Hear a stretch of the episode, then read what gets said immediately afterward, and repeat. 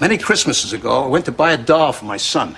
I reached for the last one they had, but so did another man. As I rained blows upon him, I realized there had to be another way. What happened to the doll? It was destroyed. But out of that, a new holiday was born. A Festivus for the rest of us.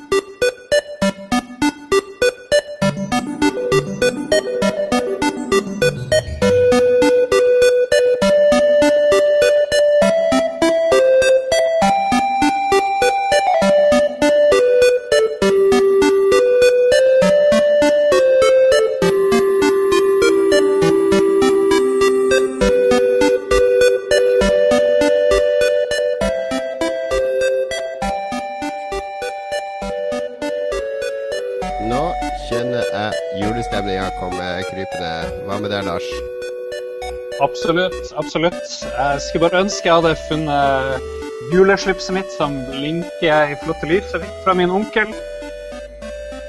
Det hadde gjort seg godt på sendinga, men uh, likevel, musikken er hva nå? Hva er musikken du har funnet? Er det julemusikk i chip-versjonen? Ja, er det ikke flott? Skal vi se, hva er det jeg lasta ned? Det er Rush, Rush Coil, tror jeg de heter. Ja, men de er på bandcamp. Så Akkurat. Anbefaler veldig å finne den plata. De gjør veldig mye bra der. Velkommen i hvert fall til alle våre lyttere og våre to seere, som sikkert vokser i løpet av kvelden. Eh, vi, vi er inne i årets aller siste episode av eh, Lolbua. Vi har hatt et, en begivenhetsrik høst. Det har Vært artig å lage Lolbua, og eh, vi gleder oss til å fortsette neste år. Og vi skal feire litt jul. Vi har, eh, jeg glemte å kjøpe juleøl i dag. Jeg har bare vanlig øl, så jeg beklager det. Hva med deg, Lars? Jeg har faste Frydenlund i dag, Bayer-utgaven. For oss som elsker øl, vi er jo sponsa av dem. Det må vi jo huske å nevne. Jeg håper vi får et sponsorat snart, for jeg har faktisk også uh, Frydenlund i dag. Så, så eh, det, Frydenlund, ta og ring oss. Vi, vi er klar for et sponsorat. Det er, det er under en Nei, det er en uke akkurat til jul i dag. Er du klar for jul, Lars? Har du kjøpt julegave?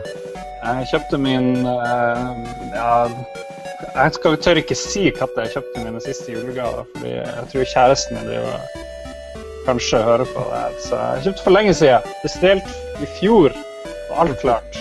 Jeg er utrolig tidlig ute. Wow. Altså, en klassiker i Harstad var jo å kjøpe julegave på skjell på julaften, men eh, du slipper Ja. altså det i år. Ja, så ille er det ikke. Men eh, det var jo gøy å kjøpe gaver på skjell, så hva det var andre juledag Tom hadde bursdag, det var det vi brukte å gjøre andre juledag. Så da eh, stakk jeg alltid innom skjell og kjøpte et eller annet. eh, Ja, han pleide å få en, en CD med god musikk fra det. Sånn eh, Absolute Dance Hits eh, 2005 og sånn. Ja. Vår kjære avdøde venn Tom, som ikke er med oss lenger. Men eh, Vi må nesten skåle for han, siden Ja. jula nærmer seg. har vi drukket så mye allerede? Men eh, ja, skål for det. Ja, det er mange skåler i den sendinga her, føler jeg på meg. Hva skal vi Jula er fint å eh, være sentimental på, er det ikke det? Jo, helt klart. Helt klart. Og det skal vi snakke om eh, ganske snart. Vi har, vi har, det er bare oss to i dag, bare så det er sagt. For vi skal oppsummere året som har gått, og våre spillfavoritter. Og er det noe mer vi skal innom i dag? Vi skal gjennom masse rart. Vi har en helt spesialutgave av um, quizen, som er litt spennende. Vi skal snakke om film litt, det har vi ikke brukt å gjøre. Og ja, juleminner og litt god musikk. Og der blir det supersending. Jeg tror det blir veldig koselig. Vi kan jo begynne med det vi pleier å snakke om i starten, nemlig hva vi har gjort i det siste, eh, Lars. Du, er, du er ferdig med alle julegaver. Hva, har du, hva annet har du holdt på med i det siste? Nei, jeg er fremdeles på det bokkjøret jeg var, men uh, når jeg ikke har lest uh, mer eller mindre elendig sci-fi, så har jeg spilt mye Bravely Default, for jeg klarer ikke å slutte med det spillet. Da. Det er kult spill, da. Det er koselig spill. Det er jo skikkelig råttent skrevet, så jeg føler at jeg ser på Helene og gutta hver gang jeg spiller det. Men uh, ja. Ja. Ellers det, det er som om Helene og gutta hadde hatt dritbra regi og dramaturgi og alt sånt, og så hadde dialogen vært så ræva som det var før. Bare at det tekniske og, og det, du blir veldig engasjert av å se på, men så må, gremmer du deg litt over dialogen. Jo da, jo da. Eh, vi kan prate mer om akkurat det spillet seinere, men eh, jeg klarer ikke å gi det fra meg. Jeg vet da farsken hva, hva det er. Så eh, ellers gjort i det siste jeg vet ikke. Det er litt sånn har føler julekaoset kommer og klemmer sine hender eh, rundt halsen min. Var ikke du og lagde ny eh, reportasje om eh, Fordi Elkjøp fikk vel nye PlayStation 4-maskiner på fredag, så da var vel du og, og, og håpa på riots og tyske mediemarkttilstander? jeg håper bestandig på riots. Det gjør jeg. Nei, jeg lagde jo på den første launchen, eh, på PS4-launchen, så jeg dreit i den her. Men uh, vi fikk en rapport fra Shell i Åsby, det der borte, eller Shell borte på Kanebågen, om at det var kø allerede klokka ett på Elkjøp uh, på den sida av byen. Oi, oi, oi. Om natta? Ja. Det var Wow. primus og full pakke. Så, og Første gangen jeg var der, så var det jervenduk, så folk her har uh, forberedt seg godt når de skal stå i kø om natta. Ja, men det står det respekt av. Eh, har eh, det har skjedd noe veldig stort den siste uka. Har, eh, jeg har vært i møte med, med Norsk Filminstitutt, Filmfondet. For de skal arrangere noe som heter NM i Gameplay 11.1 i år. Lørdag 11.1 på utstedet Tilt i Oslo. Og det går ut på at spillutviklere kan melde seg på, og så får de en uke på seg til å lage et spill på et tema. Og så 11.1 så skal alle vise frem det de har laga, og så er det en jury da som skal kåre en vinner, som da får 100 000 kroner til å videreutvikle spillet sitt. Og vi skal ikke delta der, men Lolbua har fått lov til å lage et lite livestudio der. Så Lars Lars, du klarer forhåpentligvis å knø deg til å bestille den flybilletten snart. Så kommer Lars ned eh, den helga, og vi setter opp, rigger opp et eh, kjempeavansert eh, livestudio laga av strikk og binders og tyggegummi. Der vi kommer til å invitere mange av de utviklerne som er der, mange av de andre gjestene som er der, og kjøre live gjennom store deler av lørdag 11.1. Så for de som eh, vil møte veldig mange av, av de nye norske spillutviklerne, og det er ganske mange av de etablerte som også er med der, så eh, bør du absolutt tune inn til oss på, på lørdag 11.1. Og så lager vi selvfølgelig en slags uh, redigert versjon av det etterpå. Det blir jo helt genialt. Streame masse timer med Hvis dere tror det her er kjedelig, så bare vent til vi skal sitte der en hel dag og, og styre på. Nei, det kommer til å bli dødsbra. Møte masse folk, spille litt spill og ja, møte folk i Oslo. Ja, Gleder meg ufattelig mye. Ja, det blir første gang vi er sammen, altså i samme lokale under en Lolbua-sending, så det tror jeg blir uh, Ja. veldig gøy. Ja, Altså, farsken. Jeg lever å sitte så langt unna. Det blir så, Man mister mye av kommunikasjon. Ikke sant? Mye er jo kroppsspråk og blikkontakt og greier. Når man bare sitter og podkast, så mister man litt det. Det går helt fint, men eh, jeg satser på at uh, det tar helt av når uh, det blir backslapping og det blir hærverk uh, og full pakke der vi, nede. skal, vi skal få til både blikkspråk og kroppskontakt og, og andre ting når du kommer ned. Nei, jeg tror det blir kjempeartig. Altså, det er en viss fare med at vi sitter inne i en bar og skal ha det her. Altså, for Blod skal renne!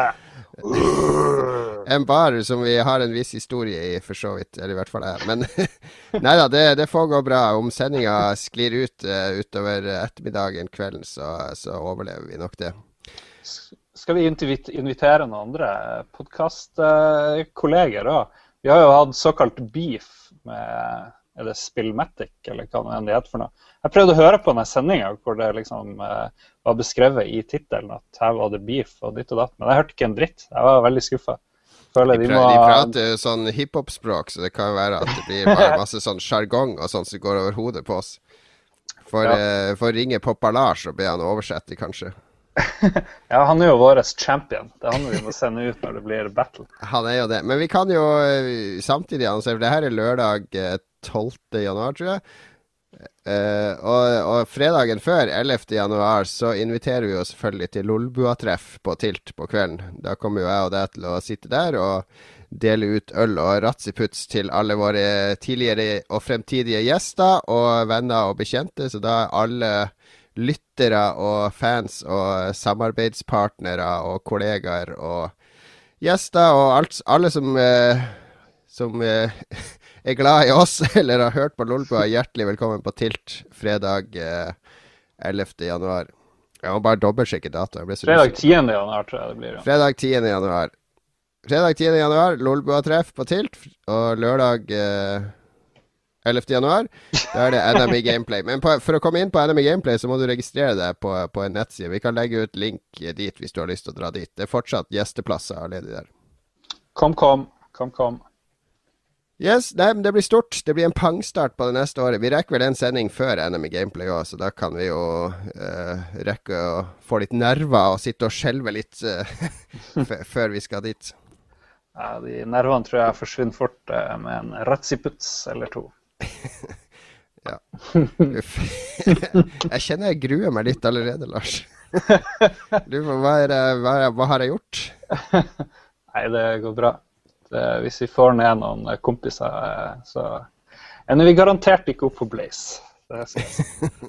Vi kan, jeg kan høre med Blaze om det er noen mulighet for å sette opp et livestudio der òg, så vi kan forflytte oss i løpet av kvelden.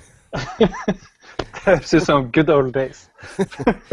Huff, la oss ikke gå der. Det er jul. Det er ikke, uh, jul er ikke Blaze-tid. Jul er derimot tid for å spille gode spill. Og eh, jeg har i hvert fall Altså, romjula for meg har alltid vært sånn eh, der du har sittet og spilt. Mm.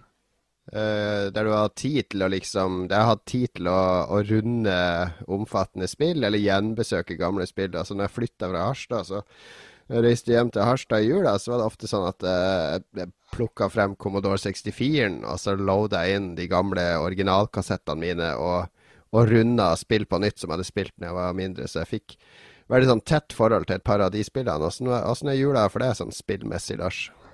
Den har jo bestandig vært sånn at jeg har dratt hjem, for jeg har jo bare bodd her hvor eh, min mor bor i fem år av mitt liv, så eh, hver jul egentlig så har jeg stukket hjem, bortsett fra en litt traumatisk jul eh, i 2007 da hele familien var på cruise i Karibia. Men det er historie for en annen dag. Jeg skal aldri være i utlandet eller i varme strøk i jula, i hvert fall, for det er helt sykt. Det anbefales ikke. Men den beste spillejula jeg husker, det var på 90-tallet en gang hvor jeg hadde ønska meg et program til eh, Commodore 64 min. Nei, det må ha vært Amiga. Kanskje Amiga. Hvor det var Amos. Ja, det var Amiga. det var på sånn Programmeringsspråk. Ja, ja, ja. Og jeg tenkte at jeg skulle bli verdens beste dataspillprogrammerer. Så jeg hadde ønska det her Amos. Jeg tenkte at Foreldrene mine kom aldri i verden til å skjønne hva det var. Jeg kom aldri til å få det, men jeg var litt sånn spent, sånn som jeg var når man var veldig liten. Så klarte jeg ikke å holde meg lenger, så jeg brøt meg inn i, eh, i julegavelageret. Og så natt til julaften så begynte jeg å flere opp eh, gaver for å se om jeg klarte å finne det her jævla Amos-greia. Og Jesus. lo and behold, plutselig så fant jeg det. Og så bare ble jeg skikkelig skuffa, jeg tenkte faen, nå kommer ikke til å bli overraska dagen etterpå i det hele tatt. Så det var Så det er den jula jeg husker best. Her. Det var ikke akkurat et dataspill, men det var Ja, Hvordan gikk det med der. Jeg ønska meg det mye mer enn et spill. Nei, det gikk drit med Amosen. Det, jeg lærte jo ikke noe av det, så jeg begynte jo på programmering på uh, Universitetet i Oslo. Jeg vet jo hvordan det ender opp. Det endte opp med ekspilot og sånne ting. Ja, ja. Ja, men uh, de fleste minnene er gode. Uh, hired Guns på Amigaen, fireplayer i stua med var tre eller fire player, jeg husker ikke. Det var i hvert fall, i hvert fall tre som kunne spille det i lag. Eh, Sånn gammel Før Doom kom, så satt man og gikk et hakk fremover borti korridorene etter Ja, ja, hverandre. det, det var kjempekult. Jeg spilte her i Oslo med, med, med noen felles bekjente. Ja, nei, så det, det veldig mange Det var, gode det var sånn Dungeon Master, bare i en sånn sci-fi-setting for Ja. fire spillere samtidig. Det var DMA Design, eller jeg husker ikke hvem det var. Det var noen ganske bra folk som lagde det. Jeg bestandig håpa at det skulle komme en eller annen versjon jeg kan spille på nytt. For jeg vet ikke om det fins til PC i det hele tatt. Hvis noen vet det, så må de si fra. Ja, jeg tviler. tviler. Jeg har, jeg har spesielt uh, to spill som er gode juleminner til. og det, det, er, eh, det ene er jo Whizball, som jeg snakka om på podkasten her før, som var laga av Sensible Software, som var et Commodore 64-spill der du styrer en diger sånn grønn uh, uh, ball da, som spretter rundt på, på ulike brett. Og så får du power, så han blir mer og mer kontrollerbar.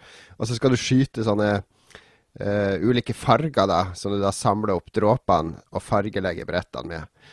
Er veldig sånn psykedelisk med utrolig flott Martin Galway-musikk. Uh, og eh, Altså det, det er et av de mest unike spillene som finnes fortsatt. Det er fortsatt ingenting som ligner på det, for det blander liksom shoot up og exploring og eh, litt puzzle og Ja, det spilte jeg Det brukte jeg å spille hver jul da jeg kom hjem, og til slutt, så mot slutten av 90-tallet, så, så runda det som regel i én sitting, liksom. To-tre timer. Men det ble liksom sånn juletradisjon for meg å runde Visbon. Men det, det andre spillet som jeg husker veldig godt fra jula, det var Final Fantasy 6 på Super Nintendo. For da hadde jeg akkurat fått kjøpt en sånn der eh, eh, Final Fantasy 6 kom jo aldri ut på Super Nintendo i Europa, men jeg fikk kjøpt en sånn der eh, Super Wildcard, hvis du husker den, Lars. Jo da. Som jeg fikk kjøpt fra vår felles bekjent uh, Espen oppe på Kringsjå. Og, eh, og det, var, var sånn kopimaskin til Super Nintendo. da. Det var en sånn boks med en diskettstasjon, innebygd diskettstasjon, som du satt ned i, i cartridge-inntaket til Super Nintendoen da. Og så kunne du da sette inn disketter med spill i denne boksen, og så lasta han inn til spillene, og så trodde eh, Super Nintendoen at du hadde satt i en cartridge. Og da, da satt jo jeg på nettet på Blindern og lasta ned roms til alt som fantes av Super Nintendo-spill, pluss at jeg hadde en kollega på, på jobben min på Akersmik som jo hadde et par kofferter fulle av disketter med Super Nintendo-spill, så Men Final Fantasy 6 var liksom det jeg tok med meg hjem til jul, og den boksen og Super Nintendo, for da kunne jeg ligge på Saccoen på rommet mitt eh, i hele romjula og pløye gjennom historien om Kefka og Terra og ja, er kjempe, kjempejulespill. Og det er noe eget å spille med, spesielt der oppe i Nord-Norge. Mørkt ute, det snør, det er romjul, det er julestjerner på rommet. Det er veldig sånn fredelig. Det er ikke noe sånn der eh, Vi hadde jo ikke noe Facebook eller mobiltelefoner sånn på den tida. Når du satt der nede med et spill, sant, så var du jo isolert. Noen kunne ringe på hustelefonen, men hvor ofte skjedde det, da? Nei, det Det var god tid til å spille. og Vi får jo eh, I romjula i masse år får vi jo ut til hytta til eh, vår venn Franke. Og da ble det jo eh, veldig mye rollespilling, men også en god del Tekken og eh, Ja. de ymse spill. Jeg Hva heter det helikopterspillet hvor du får skutt raketter? og eh, Sviv? Nei, ikke Sviv. Det var etter det. Ja, ja. Skal finne ut hva det var. Men det var i hvert fall mye bra spill. og Spesielt Knut var vel oppe hele natta bestandig og skulle holde på der. For de som kjenner ham. Ja, nei, det var eh, klassiske hytteturer, det. Og der hadde vi også En av de første der, det var før du ble med, tror jeg. Der tok vi med Dungeon Master på Amigaen ut. Og spilte gjennom alle tolv nivåene på tre døgn, liksom. Der én satt og mappa, og fire stykk satt og sa til han som styrte hvor han skulle gå, og hva han skulle gjøre. Og eh, ja, klarte å gjøre sosiale opplevelser ut av singleplayerspill. Ja. Nei da, jula er en genial tid å, å spille på. Det nye i år blir jo at jeg ikke skal ranes det i jula. I hvert fall ikke hjem liksom, for å feire jul. Så det å liksom glede seg til å feire hjem og drive og skulle liksom bunkre opp i god, litt sånn nostalgiske omgivelser, det blir litt annerledes. Nå er det bare nostalgi hele tida. Men vanskelig når du skal av og til på jobb. Liksom. Du har ikke fri hele jula, så skal du få tid og modus til å grave deg ned i spill og få den helt elendige Mm. døgnrytmen. Den, for man trenger den der eh, Eller jeg syns det er en fordel med en vanvittig usunn døgnrytme, for da har du en hel natt gjerne på deg til å kose deg med et eller annet spill. Ja, du må få deg noen unger, Lars, så får du skikk på den vanen der. Nei, eh, jula i år så har jeg fylt opp eh, Jeg kjøpte nytt minnekort til 3DS-en min på eh, Jeg vet ikke hvor mange gigabyte, men i hvert fall så, sånn at det ble plass til sånn 20-25 spill der.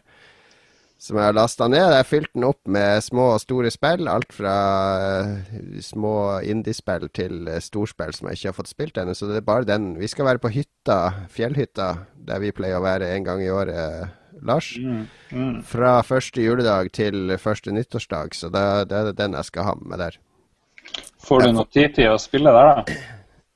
Ja da, det, det blir tid om kveldene, og, og også på dagtid. Ungene leker med hverandre og sånne ting, så det, det er avslappende der oppe. Bra. Bra, bra. Satser på det. Jeg får jo en Xbox One, eh, kommer jo fra USA nå denne uka. Men jeg tenkte på at jeg skulle ta med den på hytta, men det er ikke noe internett på hytta. Jeg, jeg, har ikke, jeg tror ikke ja, Det skal jo funke uten internett, men jeg, jeg tror ikke jeg orker å drasse den med meg opp for å spille Dead Rising 3 et par timer. Xbox. Tre nøtter til Askepott. Xbox. Prøvinn og Havmesteren. Ja, ja. Er du klar for, uh, for å dra Vi, skal, vi har laga to forskjellige topplister, topplist, er ikke det, Lars? Det har vi. Vi skal eh, oppsummere vårt favorittspill i 2013. Og du har fått æren av å begynne med din topp ti-liste. Og jeg har laga Bare sånn at du skal det skal være litt mer liv i spalten, så kjører vi den her i bakgrunnen. Hvis det er for høyt, så må du gi meg et tegn, Lars. Ja Mongotegnet. Litt lavere bytte sjøen. Yes, kjør på. Og så må du huske å begynne med tiendeplassen, så blir det ikke noe spennende, Lars. Jeg har lista opp 16 spill, men jeg skal, jeg skal begynne på nummer eh, 10. skal jeg gjøre. Og jeg, hva du sier Nei, ja, Du skal ikke ha flere spill enn meg, Lars. Da må jeg skynde meg og legge til seks spill. Så ta ti spill, det tror jeg holder i massevis. Ja, jeg har, jeg har skjøvet ned eh, de spillene som jeg føler jeg ikke har fått spilt nok, da. Men som eh, sikkert kunne fortjent en eh, plass. Og så må jeg jo si at det her er ikke de spillene jeg føler har påvirka bransjen mest, eller noe som helst. Det her er spillene jeg spilte mest og koste meg mest med i eh, 2013. Det er 100% subjektivt. 100 subjektivt. Og jeg regner med at uh, hvis spillpolitiet hadde vært her, så hadde jeg blitt uh, kasta i fengsel om fem minutter. Men jeg begynner med nummer ti, da. Og det er eh, Jeg tenkte jeg skulle begynne med nummer åtte, men jeg begynner med nummer ti. eh, Som er et spill som har nevnt, som du bare har fnyst av, for du har ikke testa det. Men det er Adult Swim som har laget et gratisspill av alle ting. Til eh, bærbare spillemaskiner Jaha. som heter Giant Boulder of Death. Og det er vel et av de spillene jeg har spilt mest i eh, 2013. Og det er bare eh, fullstendig enkelt, men vanvittig hjernedødt. Skal du, trill, du skal trille en stein, var det du ut på? Du skal trille en stein. Det er akkurat som um, Litt som det her uh, japansk spill hvor du ruller over ting, og så samler du dem opp, og så blir du større og større. Hva er det her for noe? Katamari Damasi. Ja, du får litt den der følelsen. Det er veldig gøy å trille ting rundt omkring. Og knuse ting og eh, Ja, bare være en ustoppelig ding som eh, Jeg har, jeg, har vært, jeg, har, jeg har vært på fylla med deg, så jeg vet at du syns det er gøy å bare eh, trille rundt og knuse ting, men det er Jeg må bare sjekke nå. Det var de ti beste, ikke de verste. Ja, OK. Ja, det er de ti beste. Yes, det var tiendeplassen. Var det steinspillet? Steinspillet. Eh, ja. Spill nummer ni.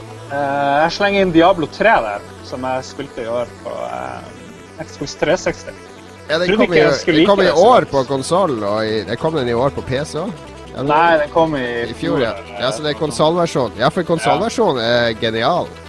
Absolutt. Jeg fikk en eh, Jeg kjente Jeg er jo ikke noen fyr som lett blir eh, avhengig av spill, men akkurat det eh, satt lenge i før jeg ble dritlei. Jeg runda det og vel så det. Spilte det vel halvannen gang. Eh, Noen har jo spilt det altfor, altfor mye.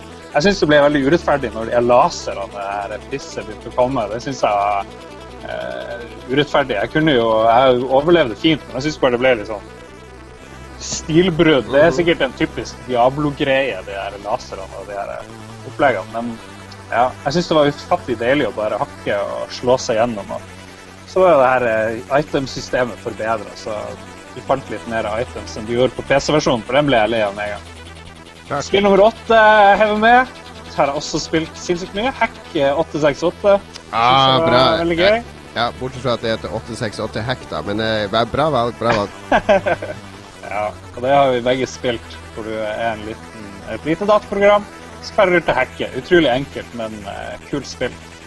Og nummer Det, syv det anbefales virkelig varmt. Ja, altså, det er Bubbler på min topp ti-liste. Det var, det var oppe i topp ti lenge, men så Ja. skviser jeg det ut. Men eh, ja, nei, det er eh, briljant. Ja, og spill nummer syv på min liste, det, der kommer i hvert fall spillpolitiet til å eh, klage. Men jeg har, og det er jo fordi jeg har spilt så mye, jeg kan ikke unngå å ha det med.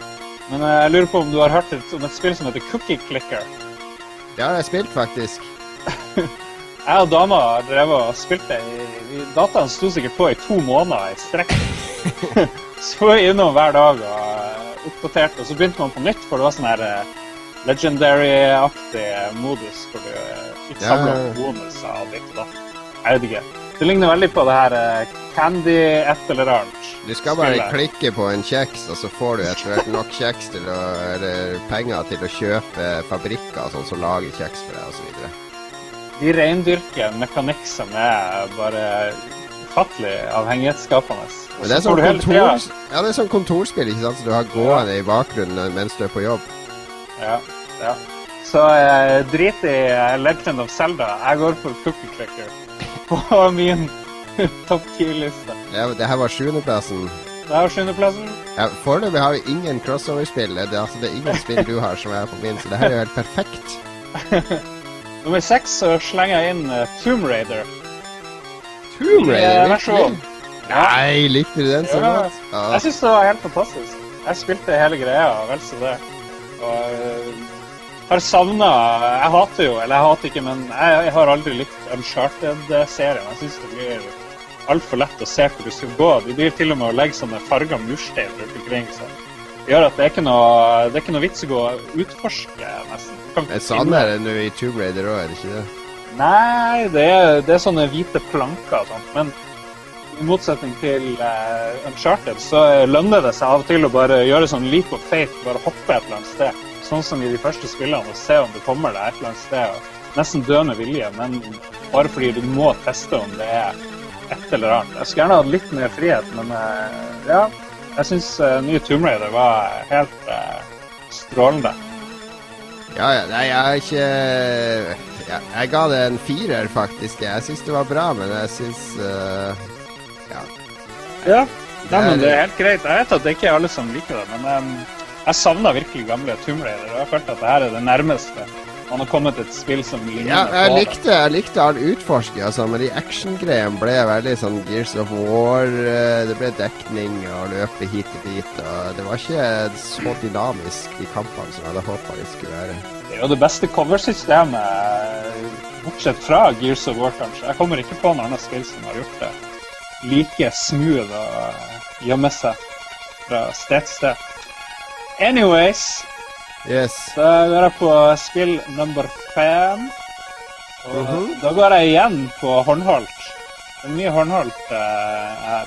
Mm. Men uh, jeg har sittet veldig veldig mye med et spill vi har snakket om tidligere, som heter Device 6.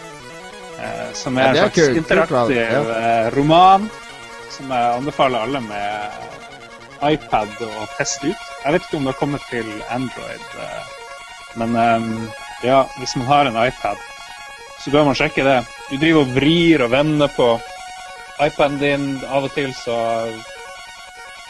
Jeg bare slo av kameraet mitt fordi jeg ser det, den driver og switcher som en gal pga. musikken. Men eh, fortsett. Device X er, eh, det er briljant. Ja, bare, nå får jeg sånn kult bilde av deg, Jon. Jeg savner den looken du har på det bildet jeg ser.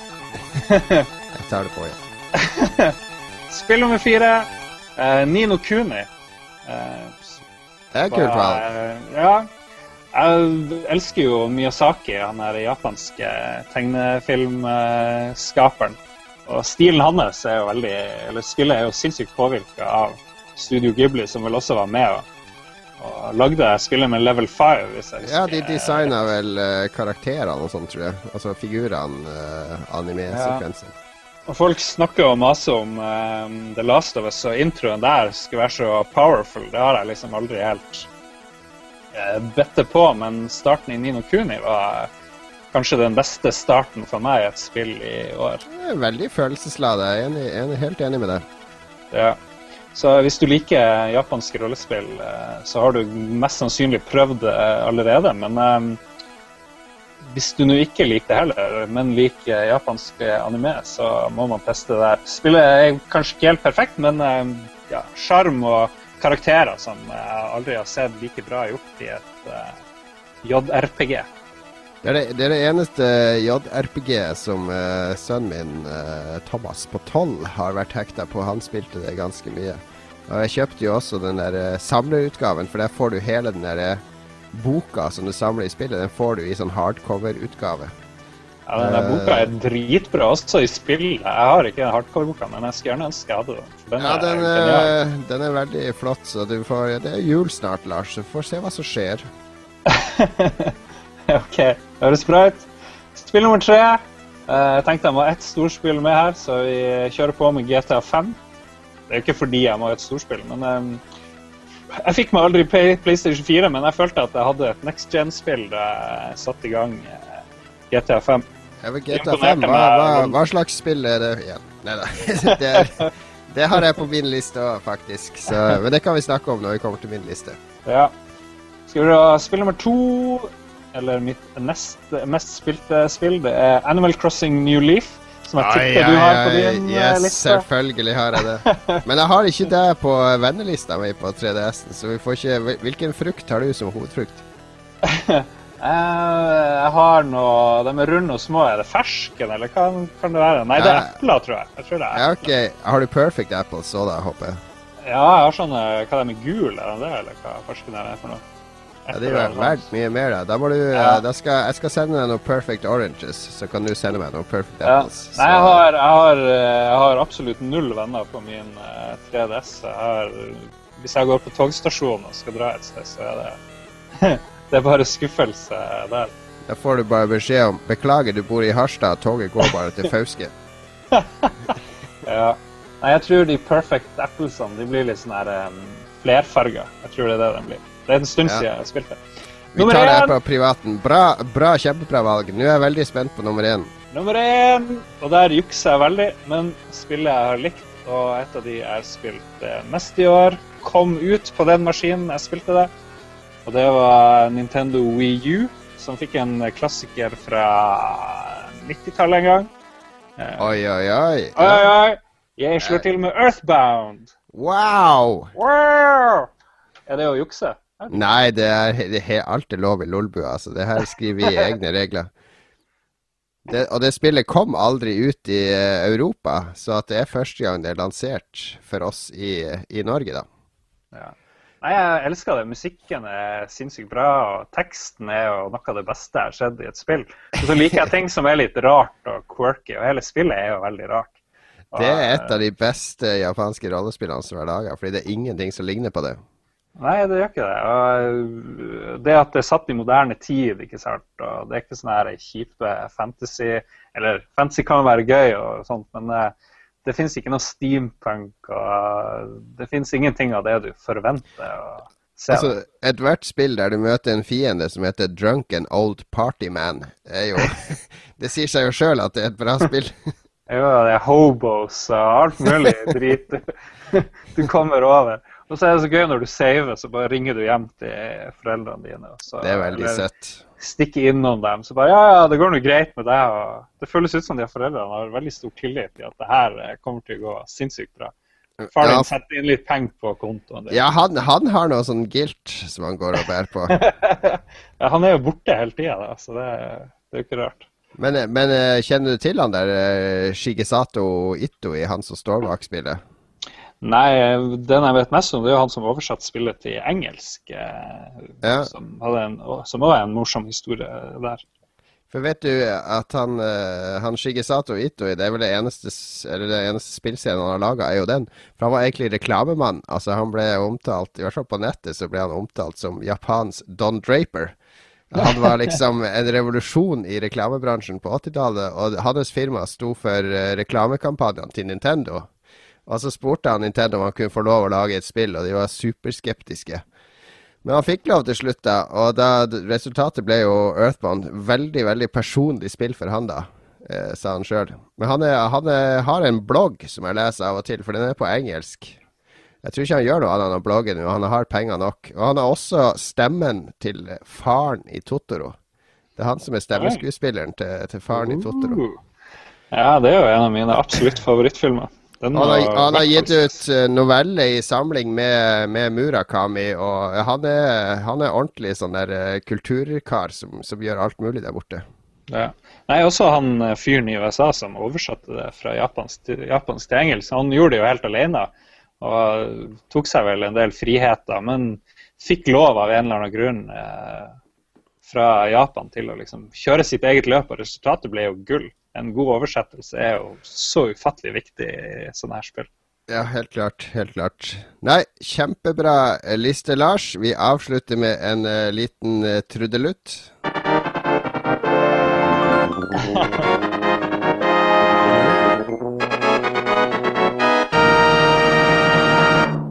Lars sin topp ti fra 2013, altså. Lista i sin helhet legger vi selvsagt ut på Lolbua, nei, på nboss.no etterpå. Og vi har også oppretta domenet lolbua.no, så følg med der. Forhåpentligvis får vi opp noe før jul på, på den adressen.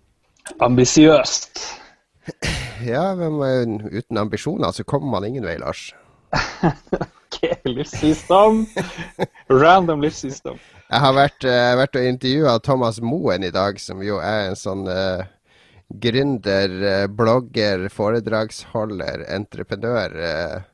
som har vært frontfigur for bloggere i Norge og sånn, så jeg er full av inspirasjon for selvrealisering og Du må komme deg bort fra Oslo fortest mulig. det er godt mulig. Det er godt mulig. Ja, hvem vet om jeg var ironisk nå eller ikke? Har vi, noen, eh, har, vi, har vi noen hyggelige lyttespørsmål denne gangen? Vi har uh, masse. Jeg vet ikke, Har vi fått med oss uh, alle lytterspørsmålene? Finnes nissen, spør Alex Sag. Der kan vi svare nei. Nissen nei, fordi han ja, ja, Det var en prest i England som hadde gudstjeneste for en barneskole nå nettopp, der uh, han ja. sa at nissen ikke fantes, og at barna gikk gråtende fra kirka. Så i tilfelle noen barn hører på, ja, han finnes. Nei, nei, nei. Ja, jo, nissen fins jo, men uh, det er jo bare i fantasien, da. Jeg blir veldig skremt hvis nissen dukker opp. han dukker opp hos oss hver jul, Lars, så det, det, er bare å komme og feire jul med oss. Ja, er det du som er nisse, da, eller hvem er nisse? Jeg har barn, så jeg har unger som hører på. ja, ja. Det er nissen som kommer, Lars. Uh, skal vi se. Jan Christian Hegel spør hvilket spill har vi størst forventning til i 2014? Veldig godt spørsmål. Det har jeg tenkt igjennom. Uh, så ikke spørsmålet før nå. Men det jeg ser mest frem til til neste år, vet du hva det er, Jon? Det er en TV-serie vi jeg så først hos deg i uh, Han spør om spill, ikke TV-serie, Lars. Nei, men det har med det å gjøre. Det har med Cartman og Kenny og ah, der å gjøre. Nå skjønner jeg. Ja. Nei, så The Stick of Truth, uh, South Park, det Jeg vet ikke. Det er det jeg vil ha mest uh, neste år. Hvis ikke The Last Guardian uh, dukker opp. Stick of Truth tror jeg blir kult. Uh, jeg måtte tenke litt på det spørsmålet, jeg òg. Jeg tror faktisk at The Witness er det jeg ser mest fram til akkurat nå. Det nye Jonathan Blow-spillet på PS4. For jeg må ærlig innrømme at nå har ikke jeg slått på PS4-en på halvannen uke. Jeg gjorde det for halvannen uke siden bare for å ta eh, alle Resogun-rekordene til vennene mine. Og når det var gjort, så så jeg ikke noe stort behov for å gjøre så mye mer. Uh, så nei, jeg gleder meg til The Witness. Det, det tror jeg kan bli en essensiell uh, del av PS4, håper jeg. Da vet vi at Jon gleder seg til å gå kjede seg rundt på en øy hvor man ikke kan gjøre noe som helst. Han er, han er, han er lete etter sånne rare paneler man skal Han er oppe i 560 puzzles, leste jeg på Twitter. Mannen der er blitt syk i hodet. Bare gi ut det spillet så fort som mulig. Vi har, vi har, to spørsmål fra Robin før vi fikk inn et nå. Robin Skoglund, vår, vår gode venn her i Oslo. Uh, han, uh, det første er ikke et spørsmål, da. Det er jeg har 614 960 poeng i Drop 7 hardcore. Uh, ja, svaret på det er vel fuck you. Eller Nei, jeg har litt over 300 000. Jeg visste, har du spilt Drop 7, Lars? Nei. Drop 7 er kanskje Det, det er på topp tre blant de beste IOS-spill som finnes. Det kom for mange år siden fra Synga. Men mm. uh, jeg spilte det senest i dag. Jeg spiller det fortsatt. Det er uh, en briljant puslespill der du skal plassere baller med tall i et rutenett. Altså, altså eliminere de hverandre. Og har du noen prøvd å forklare noen uh, et puslespill og få det til å høres kult ut? Nei, det hørtes utrolig kjedelig ut. Prøv å beskrive Tetris til meg og få det til å høres kult ut. Nei, det er en sånn krig mellom eh, to raser. og eh, Alien-rasen er geometrisk eh, forma, så de detter ned som rundinger Nei, jeg mener firkanter eller lange streker. Så må du, for å knuse dem, så må du påvirke dem med tankekraft for at de skal lande i rekke, og så eksplodere dem. det var det beste jeg kunne gjøre. Jeg synes det var ganske bra. Ja, du skal få for effort. Nei, men puslespill, og det har jeg merka når jeg skriver anmeldelser, da, og når du skal skrive hva du skal gjøre, hva du skal gjøre i 868 hack f.eks., det høres bare dørgende kjedelig ut. Altså, man må spille de for å skjønne at det er kult. Ja, nei, jeg skal prøve det her Drop 7. Men det hørtes ut som en sånn her eh, litt for mye tankekraft til at jeg blir å eh, hevde meg i toppen. Nei, det er ikke, er ikke så mye tankekraft. Det er akkurat, akkurat passe. Og så har vi en som heter Christian eh, Nomel. Han stilte spørsmål på YouTube under forrige sending som vi ikke fikk med oss. Men han lurer på hva vi har å si om uh, The Gathering og det nye temaet til The Gathering. Og da må jeg første spørsmålet mitt er hvilket tema? Jeg regner med, jeg regner med Gathering at han snakker om dot The, gather, the Gathering i Vikingskipet i eh, Lillestrøm. Det er sikkert det han snakker om. Oi, det, det heter The Gathering 2014 Transylvania i år. Ah, Ja ja, Så han snakker ikke om det her datapartyet? Jo, jo, det er det på Dataparty sin hjemmeside nå. Eh, de har, hvis, det ser ut som de har laga noe sånn uh, Transylvania-tema. Oi. Sprøtt. Nei, vi syns det er helt supert. Ja, Har du vært på The Gathering? Ja, i 90 99, tror jeg jeg var. Ah, ja. Sammen med en som heter Ronny. Eh, det var gøy, gøy det, men det var litt for mye for en gammel mann. Jeg var jo gammel allerede da. jo vel. Ja vel. Greit. Det eneste jeg har å si til det nye temaet, det er at uh, i Norge så heter det faktisk Transilvania. Det er ikke lov å skrive Transylvania i Norge, så det, allerede der i logoen så er det en grov feil. Så hør etter, kan du, og dere som arrangerer TG. Dette må rettes opp umiddelbart. Skal du, Nå er jeg straks inne på hjemmesida der. Skal vi se. Thegathering.org Nei, nå er jeg på noe helt annet. Austin. The Gathering USA Inc. Jeg syns det er elendig. Den amerikanske sida av det her vil jeg ikke Det heter bare gathering.org. Men ja, la oss gå videre. Vi ba, du, eller du ba leserne om å eh, Lytterne. Jeg klarer ikke å venne meg til lyttere. Du ba lytterne om å sende inn sine favoritter fra året som har gått. Yes. Uh, Angel Blood uh, tror jeg aldri vi har fått uh, melding fra før. Hallo, Angel Blood. Det er, ønsker folk velkommen. Ja, klart, klart. Eh, hun har en eh, Jeg tror det er en ho. Høres ikke ut som det er Angel Blood. Ja, det høres ut som dama til Ogristen, en kompis av vår. Hallo, dama til Ogristen. ok. Hun eller han har i hvert fall en liste med The Last of Us på topp, og så GTA 5, og så Beyond Two Souls. Ja, ja, ja. Ja, nei, men det er helt lov, det. Jeg er jo enig i GTA5. Beyond Two Souls klarte jeg ikke helt å, å elske, som jeg elska det forrige spillet til. Nei, den, den syns jeg ikke har så mye å gjøre der. Men uh, Last of Us er helt klart uh, et av årets aller beste. Uh, men den er også eh, Den er veldig sånn eh, Jeg skrev en sak på Aftenposten i dag der jeg oppsummerte liksom året som har gått, og de tre beste spillene dro jeg frem der. Og det, det var ikke The Last of Us som var et av de tre. Og da ble det umiddelbart sånn der storm i kommentarfeltet. Hvor er det Last of Us? Hvor er det Last of Us? The Last of Us! Altså, det er liksom eh, Du har en sånn eh, Det er ikke som det spillet har gjort spillerne til sånne fungusvesener som er i det spillet. som Ja, jeg snakka med Jostein i Red Crew, som er vår eh, eh, våre gode venner i en uh, De er ikke konkurrenter, men det er en annen podkast som spiller i Norge. De er veldig Ja, flinke. jeg anbefaler Han- dem veldig. Han, han anbefalte Nei, han, han sa at han opplevde akkurat det samme. At hvis, hvis de ikke tok for seg The Last of Us i en kåring av årets beste spill, så ble lytterne kjempesinte. Og det, det er virkelig et spill som har truffet en nerve hos mange. Ja, på min, selv min utvida topp 16 så er ikke The Last of Us der. Det har jo med smak og behag. Jeg mener, herregud, folk må jo få lov å like det de liker. Jeg skjønner ikke at det skal være så mye bråk om det. da. Nei, det, men det er mange som har et behov for å få bekrefta smaken sin, dessverre. Men stol på den smaken du har. Det er i hvert fall det vi har lært etter mange år som spillkritikere. stol på deg sjøl, ikke på noen andre. Eh, fra Tom Egil Bergli, han har også Han har kun The Last of Us. Det er det beste han har spilt i fjor. Så ja, kudos, Ja. kudos til dere. Jeg skal, jeg skal spille det mer hvis de remixer det med sånn japanske store pupper og litt mer sånn eh, sentimentalitet. Jeg føler at det ikke er nok. Eh, Altså, hun er tolv år, Lars. Altså, det, nå, nå krysser du en del grenser her. Vi går fort, fort videre. Husk at jeg har en knapp nå for å mute både kamera og mikrofonen din. Jan, Jan Christian Heigel han er vår mest trofaste lytter. Han, har, eh, han skal vi gi en sånn badge of honor en gang, for han sender inn spørsmål hver gang. og har vært med oss siden første episode. Han trekker fram eh, Bioshock Infinite og Gone Home, som begge har fått han til å oppleve og føle noe han ikke har gjort i spill før.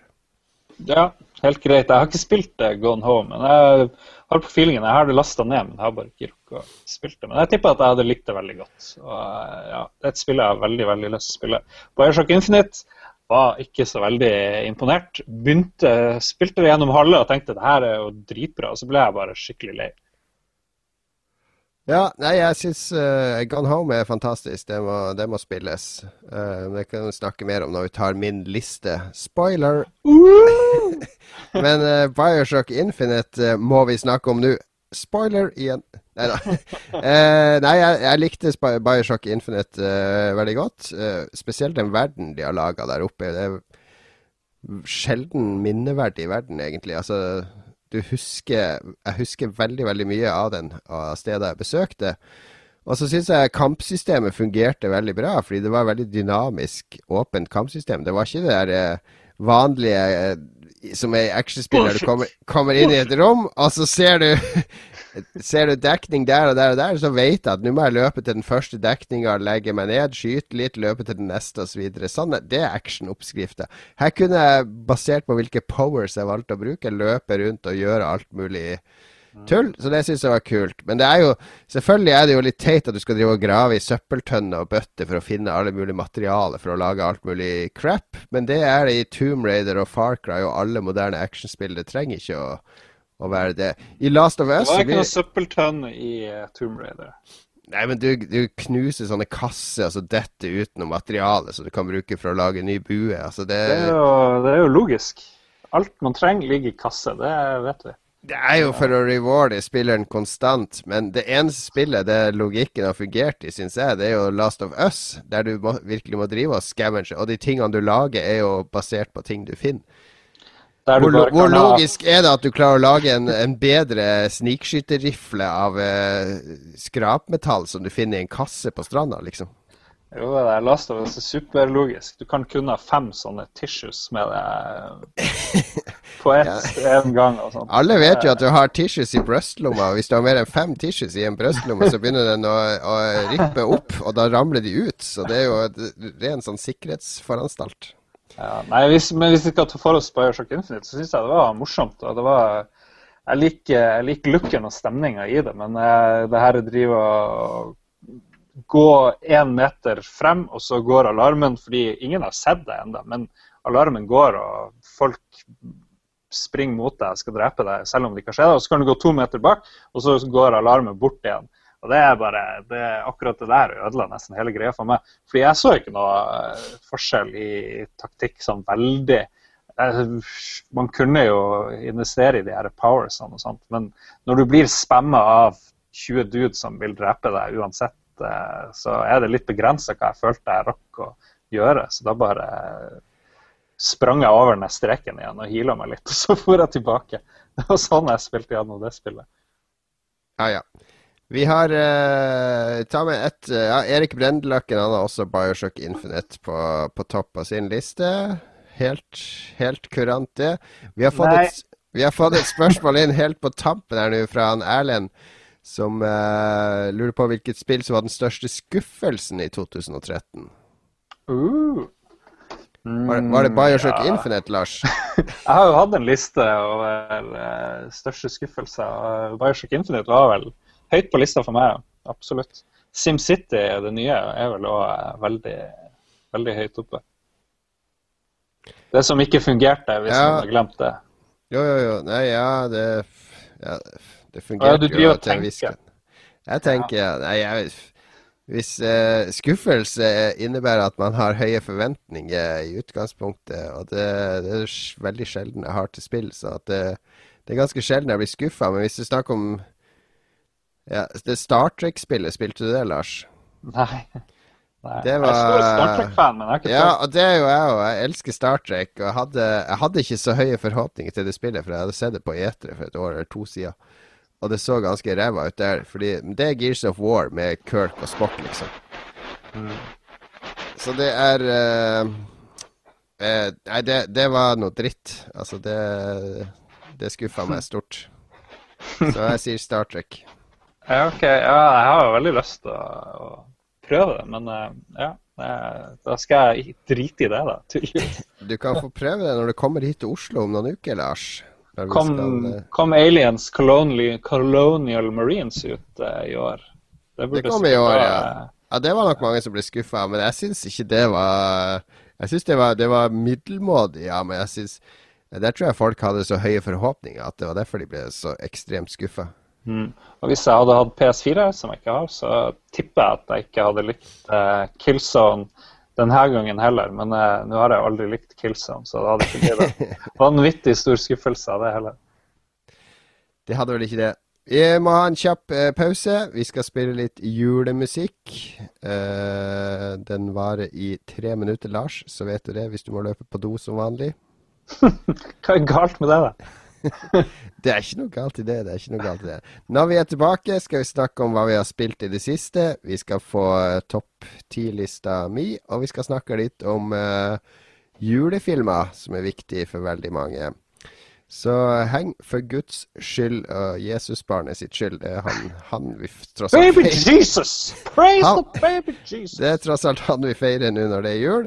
Vi er tilbake om noen få minutter.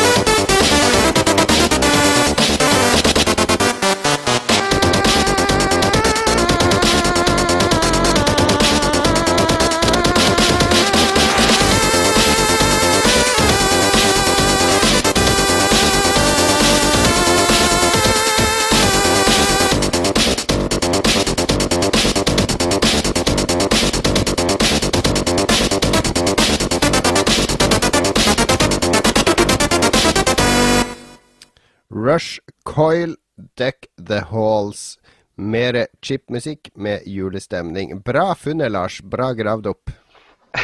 Ja, jeg vet ikke, Spilte du den på sånn 1,5 hastighet? Jeg husker ikke at den gikk så vanvittig fort, den der sangen. Men det, Ja, ja. Jeg, har, jeg, har ingen, jeg har ingen mulighet til å justere hastighet på sangene her. Og hadde jeg kunnet, så hadde jeg spilt med lavere hastighet, så at jeg hadde rukket å komme meg på do. Men eh, det får heller være. Vi er da tross alt profesjonelle her. Jeg har en flaske under bordet som jeg kan lirke opp. Og, da. Som du vanligvis gjør når vi har podkast. Ja, og på lage bussturer og sånn. Det er kjekt, da. Nei da.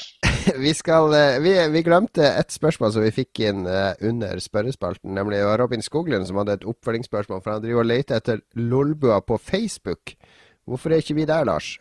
Facebook er ut, det vet jo alle. Vi er på Kratz Nice, som er den nye greia. Det er kun for spesielt innvidde. Kratz Nice og Light Force. Det er jo veldig bra. Og Life, Life Invader. Life Invader. ja, vi, har, vi har kickstarter på begge de der to. Nei. søker venture capitalist backing. Jeg tror vi må lage en Facebook-gruppe over jul, Lars. Jeg tror ikke vi kommer unna Facebook. Det er jo, det er jo den nye nettavisen. Vi har fått eh, en skål også fra nevnte eh, Robin Skoglund. Så skål tilbake. Vi skåler tilbake. Det sto faktisk eh, hashtag Frydenlund, hashtag produktplassering, hashtag Tom.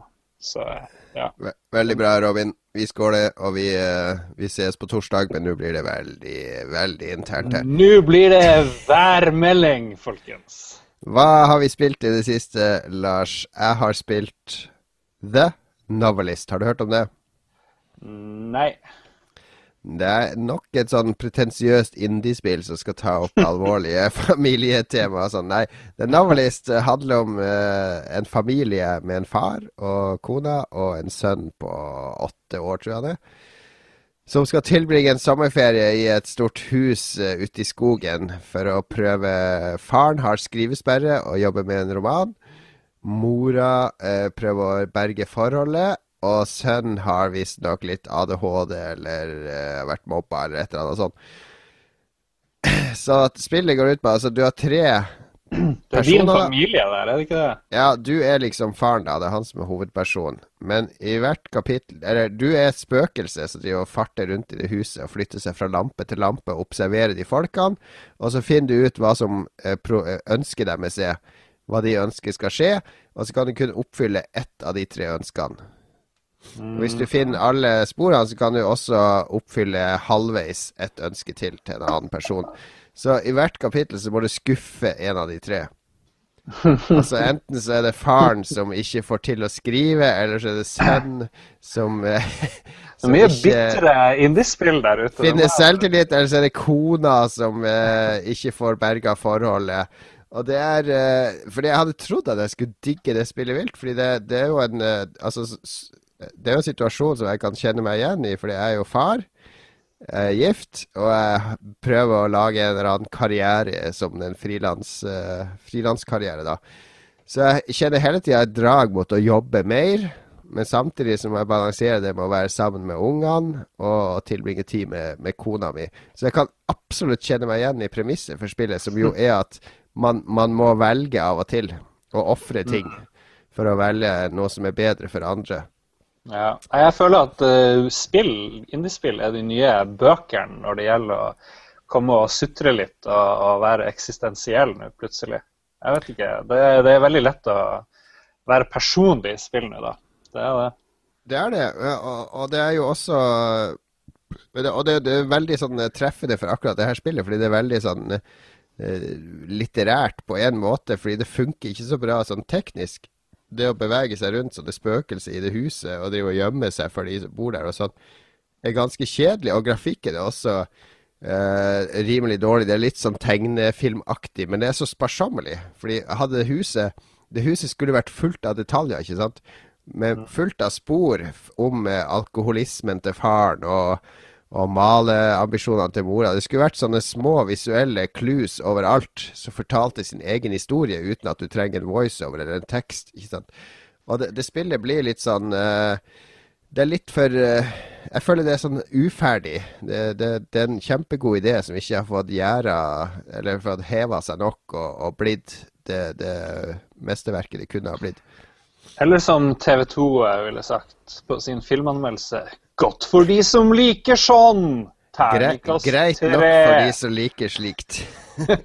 Nei da, det er, men det er, det er et spill det er Artig voksentematikk det tar opp, da. Så jeg syns jo det, det, det er prisverdig i seg sjøl, men gjennomførelsen er litt for dårlig. Ja. Nei, da skal jeg ikke spille det. Veldig god reklame for det spillet der. Men det er ikke noe norsk, er det? Nei, det er jo amerikansk, tror jeg. Ja, ja vel. Ja vel. Skal jeg si hva jeg har spilt? Ja, jo. Jeg har spilt det jeg sa tidligere, så jeg har ikke så mye å tilføye, egentlig. Nei, jeg har spilt Bravely Default. Men det jeg har spilt, det kom jeg på i sted, det er jo eh, spillet jeg satt på min ellevteplass på lista. Oh, ja? Som er verdens beste online-spill for oss som kun eh, liker å spille online på konsoll. Og det er jo Mass Effect 3-multiplayeren. Uh, det skulle jo være noe som heter Warframe, som ligner litt på PS4 og sånne ting. Men uh, ja, spilte du noe særlig eh, multiplayer på eh, Mass Effect 3? Ja, jeg spilte det faktisk en del. Det, det er jo sånn der horde-mode-greier, er det ikke det? Der du bare skal beskytte et område, og kommer det Ja. bølger av fiender, eller? Det er elleve waves, eh, og så Mm. Syk- det mellom ulike objectives. Noen steder må du hente en Ja, så kan du gå opp i skills mellom hver wave og sånne ting. Det var litt sånn. Ja, ja, eller du går Eller opp du velger nye ferdigheter, eller powers. Ja, du har, du har masse ulike karakterer som du kan velge mellom, som har helt forskjellige powers. Og det er fantastisk eh, variert. Noen er ninjaer som kan snike seg bak ting, og det kan være usynlig. og Vanskelighetsgraden etter hvert er jo så fantastisk hard at du må bli eh, superekspert til slutt hvis du skal klare alt. Og det å liksom kunne klare å mestre det tøffeste waven, det er veldig vanskelig. Men det min favoritt med det spillet var jo at du ikke spiller mot andre mennesker. Det er ikke sånn som i Call of Duty at du, ja, du blir skutt fra med 1000 meter unna, så driver de og ler av deg. Og Jo, men hvorfor spiller du akkurat den modusen i Masvei? Altså, du har den modusen i Call of Duty, i Gears of War, i Ja, men alle du har kun den modusen i Mass Effect. Alle Ja, okay. må spille på lag. ikke sant? Noen kan jo være dicks, men uh, du kan liksom ikke skade de andre på noe vis. Så må du samarbeide. Alle må samles i extraction pointet på slutten for at eh, man skal få maks uttelling. Og så må, kan levele det opp. ikke sant? Og så er det ufattelig mye utstyr som er sinnssykt rare, så jeg har jo brukt en del penger, faktisk. Har du brukt ekte penger og Jeg har brukt ekte eh, penger. Herregud. Ja, men det er lenge siden nå. det er lenge Hvor er mute-knappen og kamera... Ja, men det er, ja. Men det var spesielt i begynnelsen, da det var begrensa antall ting. Brukte du dine penger, eller ringte du til Silje i EA og sa du, jeg skulle gjerne sjekka ut litt av det her DLC, kan du sende meg noen koder? Jeg ville aldri gjort noe sånt. Jeg ringte selvfølgelig Microsoft og ba dem sende meg Xbox-poeng. nei, nei, jeg gjorde ikke det. Nei, jeg brukte ekte av mine. Det var noen hundre der. Så, men det er godt brukte penger. Det er absolutt. Ja, ja, ja. Sucker! Sucker! Yes, nei Men det var jo en, det var jo en forsmak på det Electronic Arts har gjort senere. Da. De oppdager jo der, virkelig tror jeg, at eh, mikrotransaksjoner fungerer veldig bra på eh, Det må jo fungere dritbra, fordi alle, alle kaster det jo inn i alle spill nå. Jo da, nu, men det var en grei balanse der i Mass Effect, følte jeg. Men ja, en skikkelig, men det var litt sånn hardcore sci-fi-greie som gjør at jeg fremdeles eh, spiller. Det var det som var poenget. Så eh, det er vel det spillet jeg har spilt lengst nå, eh, kanskje. Ikke så ofte, men av og til. Må inn og se hvordan nye challenges det er. og sånt. Ja, nei eh, Det høres eh, gøy ut, det å ha et sånt spill som er bare ditt, på en måte. Ja, ja. Så er det veldig hyggelige folk. Og så er BioWare har egne forum hvor man kan gå og prate med folk. og sånt. Ja, nettopp, nettopp. Uh, ja, Nettopp, nettopp! Du bryr deg ikke, bryr deg ikke om mine interesser. Vi må ta en alvorsprat i Oslo den Ja, 10. januar. Skal vi ha en sånn åpen krangel der på festen. For åpen mikrofon. Ja, nei, vi skal over til, uh, til min topp ti-liste.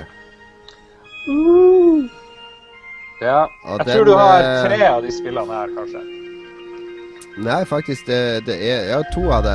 Jeg har Animal Crossing og, eh, og GTA 5. Det var det eneste. Men jeg har på tiendeplass det du hører i bakgrunnen nå, det er Proteus. Jeg vet ikke om du spilte det? Eller Proteus? Nei. Det høres ut som noe med proteiner. Det er sånn bodybuilder-spill, er det ikke det? Nei, ikke helt.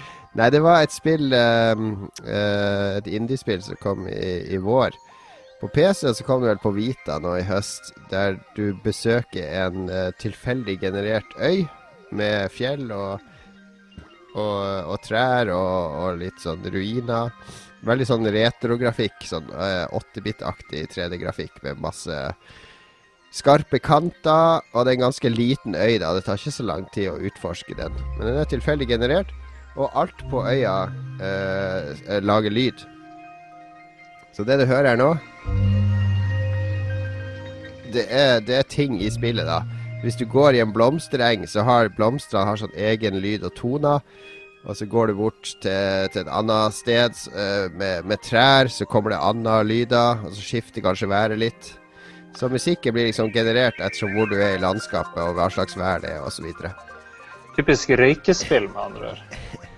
Ja, jeg så på YouTube at det er en del som spiller det ganske rusa. Det har ikke jeg gjort, men jeg spilte full av whisky da, og det var vel egentlig da jeg hadde, hadde en sånn åpenbaring, fordi jeg fant en kirkegård på den øya da, ikke sant. Og du er veldig ensom på den øya. Det er, ikke, det er noen dyr som løper unna her og der og sånn. Og alt er jo sånn 80-tallsgrafisk, der du må fantasere om at det, det, der faktisk er en kanin. Men jeg fant en kirkegård, og det, da begynte jeg å tenke på, på han pappa og kirkegården han lå på i Harstad. Og det, det spillet ga meg masse sånne assosiasjoner. Fordi det tvinger ikke på meg noe narrativ eller historie eller noe sånt. Det bare formidler landskap og, og stemninger. Så at uh, Og det var sikkert whiskyen som gjorde det, og, og, og grafikken og musikken, men det, det fikk meg til å, å, tenke på faren min, som døde. Han døde jo for uh, over ti år siden nå. Til, til, å tenke på han da på, på, en ny måte som jeg ikke hadde tenkt på han på mange år. Fordi man, man slutter jo å tenke på de som er døde etter en stund. Uh, mm. Så at jeg skrev en veldig sånn Jeg skrev en anmeldelse fortsatt full av whisky på spill.no, som ble veldig sånn ja, hva skal jeg si det ble, det, ble ikke, det ble, ikke, så mye beskrivelse av hva du gjorde, men det ble mye beskrivelse av følelsene som lå i det spillet. da. Og Jeg syns den anmeldelsen egentlig ble, ble, veldig fin og ærlig og personlig. Jeg fikk mye god tilbakemelding på den. Så det, det spillet gjorde noe Det, det vekka noe i meg. Så det kan jeg absolutt anbefale deg, Lars. Nei, men da skal jeg Kanskje jeg ikke skal spille spillet, men jeg skal i hvert fall lese anmeldelsen din. Det skal jeg gjøre. Ja, det, det, det, det, kan du sjekke ut. Den er ikke så bra som spillet, men uh, sjekk den ut. Den, Hvor, hvilken plattform var det på? Sa du det? Nå er det ute på Vita òg, da, men jeg spilte det på PC via Steam. Ja, okay. ja. Du har ikke prøvd Vita-versjonen? Jeg har lasta det ned, men uh, det var så personlig det første øyet jeg besøkte. ikke sant? Det ble en så personlig tur, så jeg, jeg føler at å gjenbesøke den vil ikke ha noe Det vil ødelegge litt for den første reisen. Ja, nei, men bra. Bra. Og det her var nummer ti. Herregud. det var Kjør nummer på nummer ni. Nummer ni er uh, Gone Home, som vi så vidt nevnte før i lytterspalten. Fordi uh, det er et spill som klarer å fortelle en historie i kulissene. Altså, du, du er ikke instigatoren eller han som setter i gang ting. Du er bare en observatør, og så slipper du å møte en masse dårlige dataanimerte folk med dårlig voice acting og dårlig motion capturing, og du slipper å sitte og irritere deg over det. Så at uh, alt foregår i, uh, i kulissene og fantasien. Og, og da da, uh, altså De karakterene i det spillet, selv om du aldri møter i det spillet, de står for meg som mye mer levende enn de fleste spillkarakterene jeg har møtt. Fordi livene deres blir utbrodert via sånne handouts du finner. Det er veldig sånn Cthulhu, Call of Cthulhu-aktige handouts med brev og avisartikler og alt mulig sånt som gjør at du kan kartlegge livene deres. Så det må du også få spilt, Lars. Ja, absolutt. Nummer åtte, der har vi uh, Rogue Legacy. Har du spilt det? Uh, ja, men jeg spilte det uten gamepad, og det ble altfor mye knapper for at jeg skulle klare å ja. kjøre det med fingre på tastatur.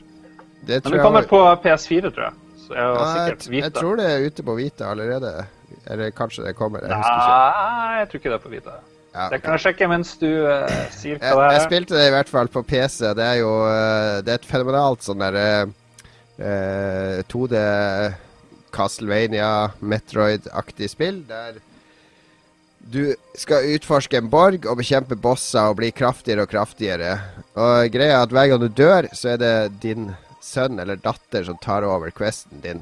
Og det som er veldig morsomt, er at eh, alle blir født med sånne genetiske særegenheter, så du kan plutselig få en homofil, eh, fargeblind eh, datter. Det at hun er homofil, gjør ikke noe. Det, bare, det står bare der. Men hvis du fargeblind. Nei, nei, absolutt. Men, men hvis du fargeblind, ikke sant, så blir skjermen svart-hvitt. Og hvis du har vært i god, da tror jeg du, alt blir opp ned. Og Min favoritt var hypokonderen, for da får du sånn her eh, Det ser ut som du får to millioner i skade når det egentlig bare får bitte litt. ja, det er veldig kreativt med alle de der uh, issues som de her folka har. Og du kan bli dverger, og du kan bli supersterk, og du kan bli uh, Veldig artig det der at alt går i arv, at du spiller litt sånn Jeg tror det er innavl. Jeg tror det er resultatet av innavl. Det er sånn her skjult kritikk være. mot kongelige. Det er nok det det er. Det kan godt være, men det, det er et briljant sånn utforske-action-plattformspill eh, der du virkelig føler progresjon hele tida, for du jobber deg virkelig opp og fram i det spillet. Ja, nei, Spilte du med pad, da, eller hvordan Ja, klart. Jeg har en sånn eh, Xbox-pad til PC-en. Ja, nei, det, men eh, jeg sparer det til eh, Jeg tror Vita kan være veldig bra. Det så ut som et fantastisk eh, spill. Det blir perfekt på hvite. Syvendeplass, Last of Us. Den har vi snakka en del om allerede. Jeg syns uh, det er historiefortellinga som er bra der, og at det klarer å integrere historien i omgivelsene. Det, det er et hus du besøker, for du kan besøke mange hus som du ikke trenger å gå i. Og i det ene der så har det bodd uh, sånn kollektiv, sånn som vi hadde ute på Lørenskog, Lars. ja. Fordi alle husene er forskjellige innvendig, men det her så er det liksom en seng og datamaskin og skrivebord på hvert rom, og det er litt konsertplakater. Og, og selv om jeg aldri har sett det huset i levende livet, så skjønner jeg her har det bodd noen mannlige unge studenter. Det, Det var sinnssykt mye detaljer i det spillet. Det, det er vel en av de bedre tingene. Du kan vel gå og se på bladene eller magasinene rundt omkring, og det er vel ja, ja, Det var i hvert fall for meg veldig vanskelig å finne noen som ligna på hverandre. Det var ikke så mye gjenbruk, for å si det sånn. Helt utrolig detaljert. Sjetteplass, Animal Crossing, New Leaf. Spiller det fortsatt? Det er snø, det nærmer seg jul. Ja, utrolig sjarmerende eh, spill. da. Det er så deilig. Og så er det så fint at butikkene stenger eh, i fornuftig tid. Så da er det bare å ta hintet og gå og legge seg. Ja, det er jo faktisk det. Jeg liker det at det følger vår egen tid. Det er kjempeartig. Femteplass, Starseed Pilgrim. Det er eh, Det er ganske sært indiespill som er laga av en canadier som heter Droken. Dette PC og Mac. Der du spiller Det er et todimensjonalt spill der du spiller en romgartner som skal plante frø. Som da blir til sånne blomsterblokker. Nytt røykespill.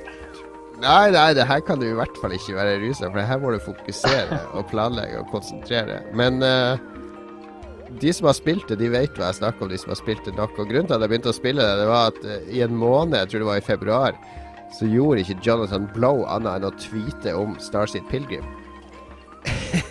og det, ok, jeg må sjekke det ut. Jeg skjønte jo ikke bæra i starten. Og det er det ingen som gjør, fordi det blir forklart veldig lite. Så det er sånn spill der du må oppdage alt sjøl. Og når du begynner å oppdage det, så føler du deg som verdens største geni. Jeg må innrømme at jeg er en stor idiot, for jeg lasta det ned og spilte det i jeg vet ikke, ti minutter, så bare ja, greit. Det så veldig bra ut, men jeg skjønte ikke en dritt.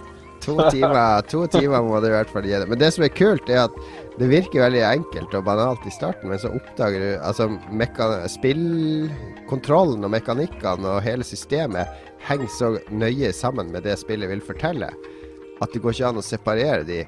Og det, det, det liker jeg i spill. Hvis du ser på Last of Us, det kunne du ha laga en film av, ikke sant, som gjør det samme som Last of Us. Eller Tomb Raider, for den saks skyld. Det kunne like godt være en film eller en bok.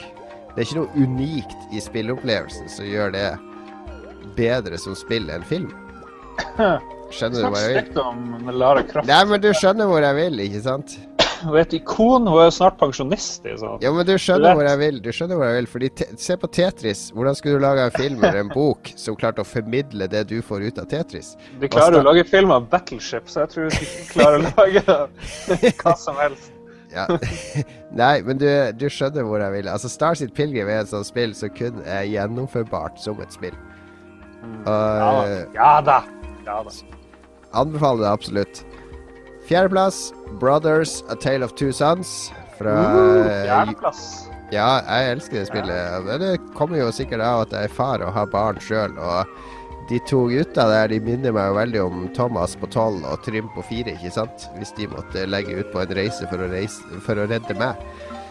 Så, så det ble sterkt for meg. Og det er ganske Det er ganske banale puzzles og sånn i det spillet. Man sitter aldri fast, og det Progresjonen går liksom automatisk, men eh, det skaper en sånn eventyrstemning som ikke ligner på de på de amerikanske fantasyspillene, for å si det sånn. Det, det er veldig sånn skandinavisk eh, preg på det. Ja. Eh, jeg ble nettopp minna på noe sånn her Astrid Lindgren-greier i av den der eh, Brothers. Det er en slags stemning eh, i det der. der. Sånn som de her eh, Trollene, brødrene Ja. ja. men de her brødrene som skulle på en reise. Eh, hva det heter Løv, den der? løvehjerte. Brødrene Ja, ja, ja. Brødrene Løvehjerte. Kan minne litt eh, om det på et vis. Jeg vet, jeg vet. Det, det minner meg veldig om skandinaviske eventyr, så jeg er veldig glad i det spillet. Det er en storarta opplevelse. Ja. Nei, jeg stiller meg bak eh, den der. Det er det er det eneste spillet jeg har likt nå på hele lista di. Nei da, det er ikke det. Men det, det er et spill som fortjener ja, Det har jo fått mye bra oppmerksomhet. Skal ikke si at det fortjener mer oppmerksomhet, men eh, ja. Kult at det er en svenske som har lagd det. Men det tror jeg Møtte jo også på, er møtte jo på han borte på E3 der, sånn tilfeldig. Ja, ja, ja, det er han. jeg Jeg- skjønte ikke hvorfor. Jeg tror vi var i lag da vi møtte han, eller hva det var. Men eh, jeg skjønte ikke hva han gjorde. Jeg trodde han drev og lagde TV eller film eller en dokumentar eller noe. Jeg ante ikke at han drev og lagde spill. Nei, men han har, jeg har vært der mange Jeg har møtt han der flere ganger. Men han har vært der og laga eh, innslag eh, for, for eh, svensk TV og svensk radio.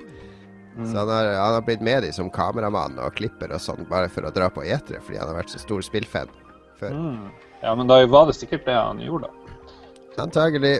Antagelig. Nei, men det, det er også, kommer jeg på nå, hvis du ikke har spilt det spillet ennå, det tror jeg er et perfekt romjulsspill. Ja, Tar ikke så veldig lang tid heller. Men jeg vil anbefale folk å prøve å ta alle achievements hvis man eh, spiller det på en plattform som styrer med sånt. For det Ja, du kan fyke ganske fort gjennom spillet, men hvis du tar deg litt tid og leter litt rundt omkring og prøver å finne ut av de rare folkene som er rundt omkring, eller dyrene som er der, så får man litt ekstra eh, underholdning av det. Den Helt enig. Helt enig. Tredjeplass. Papers, Please. Bronse til Papers, Please. Det var så dårlig. Det fortjente ikke gull, altså. Da vet vi det. Har du ikke spilt det, Lars? Jo, jeg spilte det. Jeg spilte det før det kom ut. På, Ja, Hvorfor var ikke det på lista di? Det, det var ikke så kult, da. Det var kult, det var bra, men jeg, jeg ble jo litt lei av å stresse, og hele familien min dør i øst og vest og blir syk. og jeg må bare drive og stemple gjennom. Jeg klarte ikke å komme jo ikke forbi dag eh, fire, eller jeg vet ikke. Hvor mange dager kan man holde er Holder 30, på der. 30 dager i ferdig spill. Ja, Du vet jo hvordan det er å være familiefar. Det er en god sånn, eh, indikasjon på hvordan det blir å skuffe familien hver dag. Og Nei, men det er eh, Det geniale med Payroll Please er at det begynner som en sånn kul eh, OK, her skal jeg bare finne feil og, og ting og, og finne ut hvordan jeg skal stemple. Så tar du oppgaven skikkelig seriøst. Og så etter hvert så begynner du å tenke hva, hva er det jeg gjør med de folka som står foran meg? Jeg sender de til den sikre død ved å stemple 'rejected' her og sånn. Og så begynner det å åpne seg en masse dilemmaer med skal du hjelpe opprørsbevegelsen, skal jeg slippe han her inn til tross for at han egentlig ikke skal inn av ren barmhjertighet. Altså det begynner det, det, blir, det er sånn spill som fikk meg til å tenke på Nå skjønner jeg hvorfor eh, hvordan Nazi-Tyskland kunne, kunne fungere sånn som det gjorde. Fordi at eh, dine overordna i det spillet, de er jo skikkelig drittsekker mot deg. Og da føler jeg et behov for å være skikkelig drittsekk overfor de som stiller seg opp foran meg og venter på det stempelet. Du trenger vel ikke gå til Nazi-Tyskland heller for å ta det eksempelet. Utlendingsnemnda og UDI og alle de som driver og sender ut eh, små barn i øst og vest. Eh, du kan vel lett gå til Norge for å trekke paralleller der, tror jeg. Jo, ja, men det er ikke ja, jeg, jeg, vil ikke trekke det så langt i de norske forhold, men jeg skjønner hvordan folk kan leve i sånn fascistisk styresett og, og jeg gjøre at du er gjøre, sånn Frp-er, da. Det kommer og gjøre gru... Nei, det er ikke Lars. Å gjøre grusomme ting overfor andre. Altså, jeg får For jeg fant meg sjøl i å, å, å behandle alle som, andre som dritt for å redde min egen familie, ikke sant?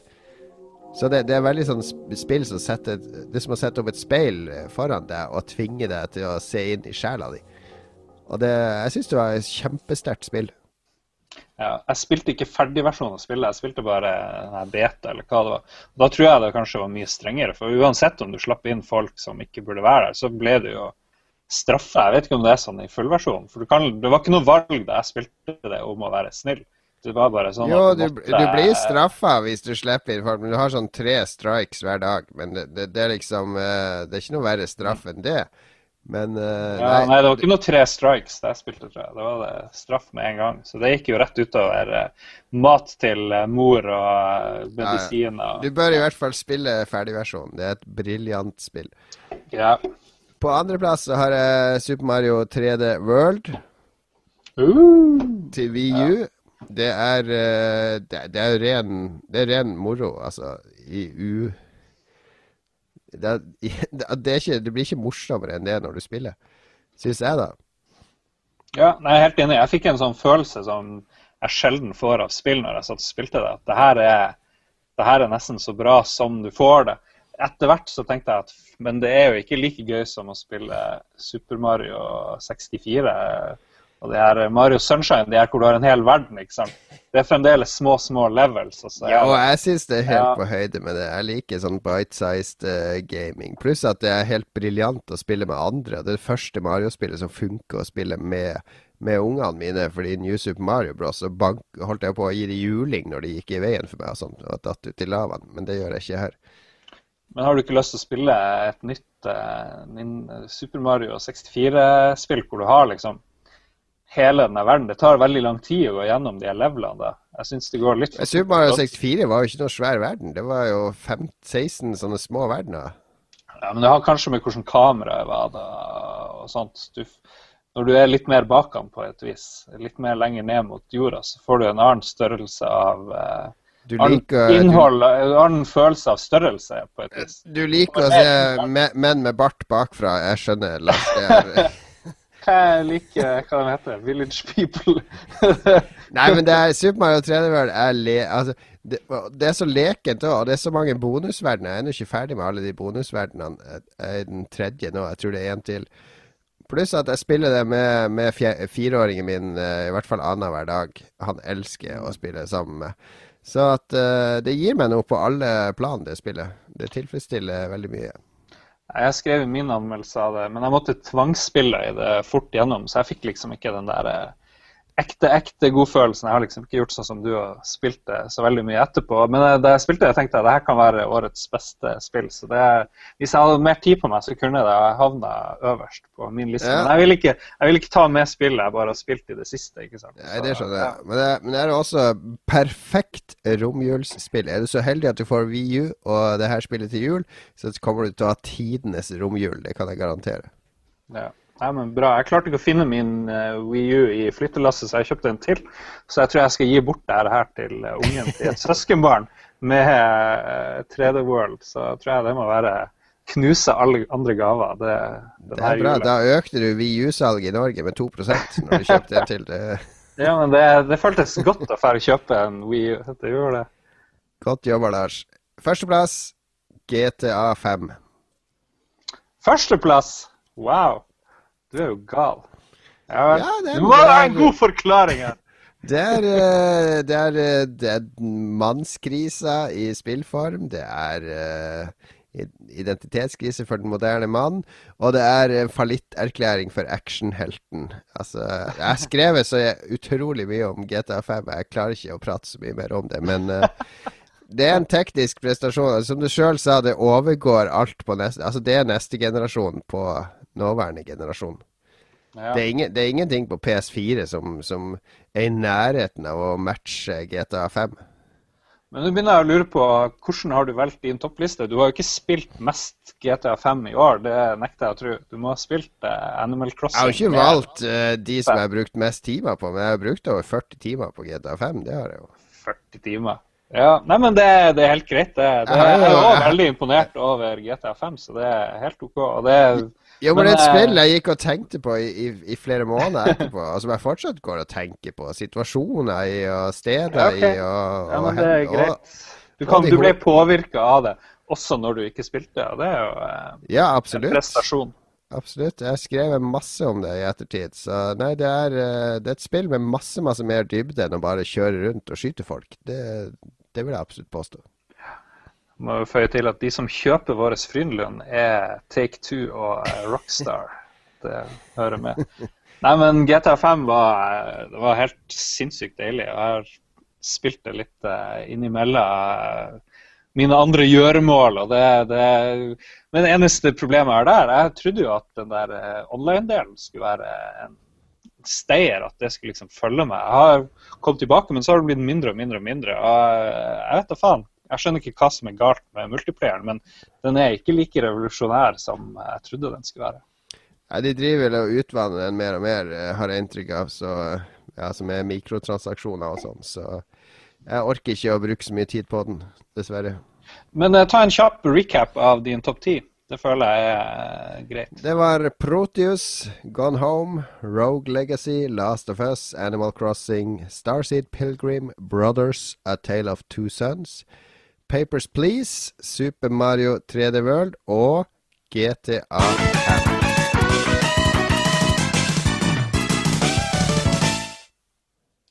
Min topp ti-liste for i år. Da fikk du en achievement.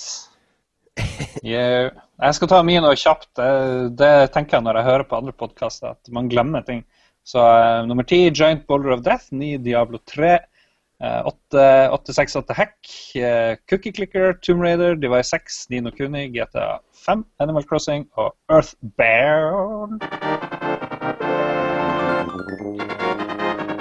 Det er en Earthbound-lyd. Det er fra Super Nintendo. Det er når du har cleara en dungeon i Zelda og Link to the Past. Ah, ok, ja. Typisk Super Nintendo-lyd. Siste spalte før vi skal slutte av. Film. Julefilm, Lars. Det var, Ja. det var ditt forslag. Ja, det var det. Like mye som jeg bruker å spille i jula, så føler jeg jo at eh, det å se film er jo en Ja, ikke viktigere, men i hvert fall minst like viktig del.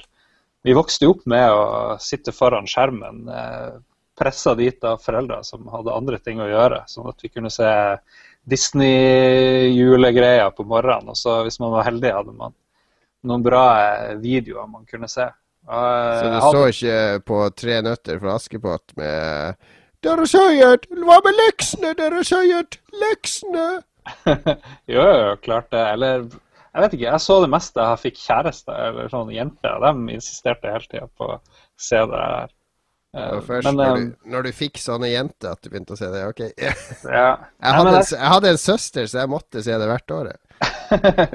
ja. Jeg har én Det er jo flere julefilmer som er bra, men min favoritt over alle julefilmer er jo selvfølgelig den med han Hans Gruber, eh, spilt av Alan Rickman som den Det er jo alle, det er jo alle sin favorittfilm. Ja, men det, det er jo en grunn til det. Det er jo den beste Jo, men Problemet med det er at alle, alle tror de er så spesielle når de sier ja, Die Hard er min favorittjulefilm, og så er det bare hele internett syns akkurat det samme.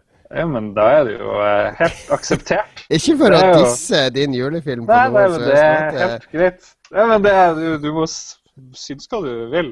Men har du noe Jeg kan jo si litt eh, om hvorfor jeg liker den, da. Men jeg, jeg var aldri noen stor Bruce Willis-fan, men det er han skurken der da, som er det jeg syns er så kult med den filmen. Alan Rickman er vel en av mine store favorittskuespillere, sammen med Gene Hackman.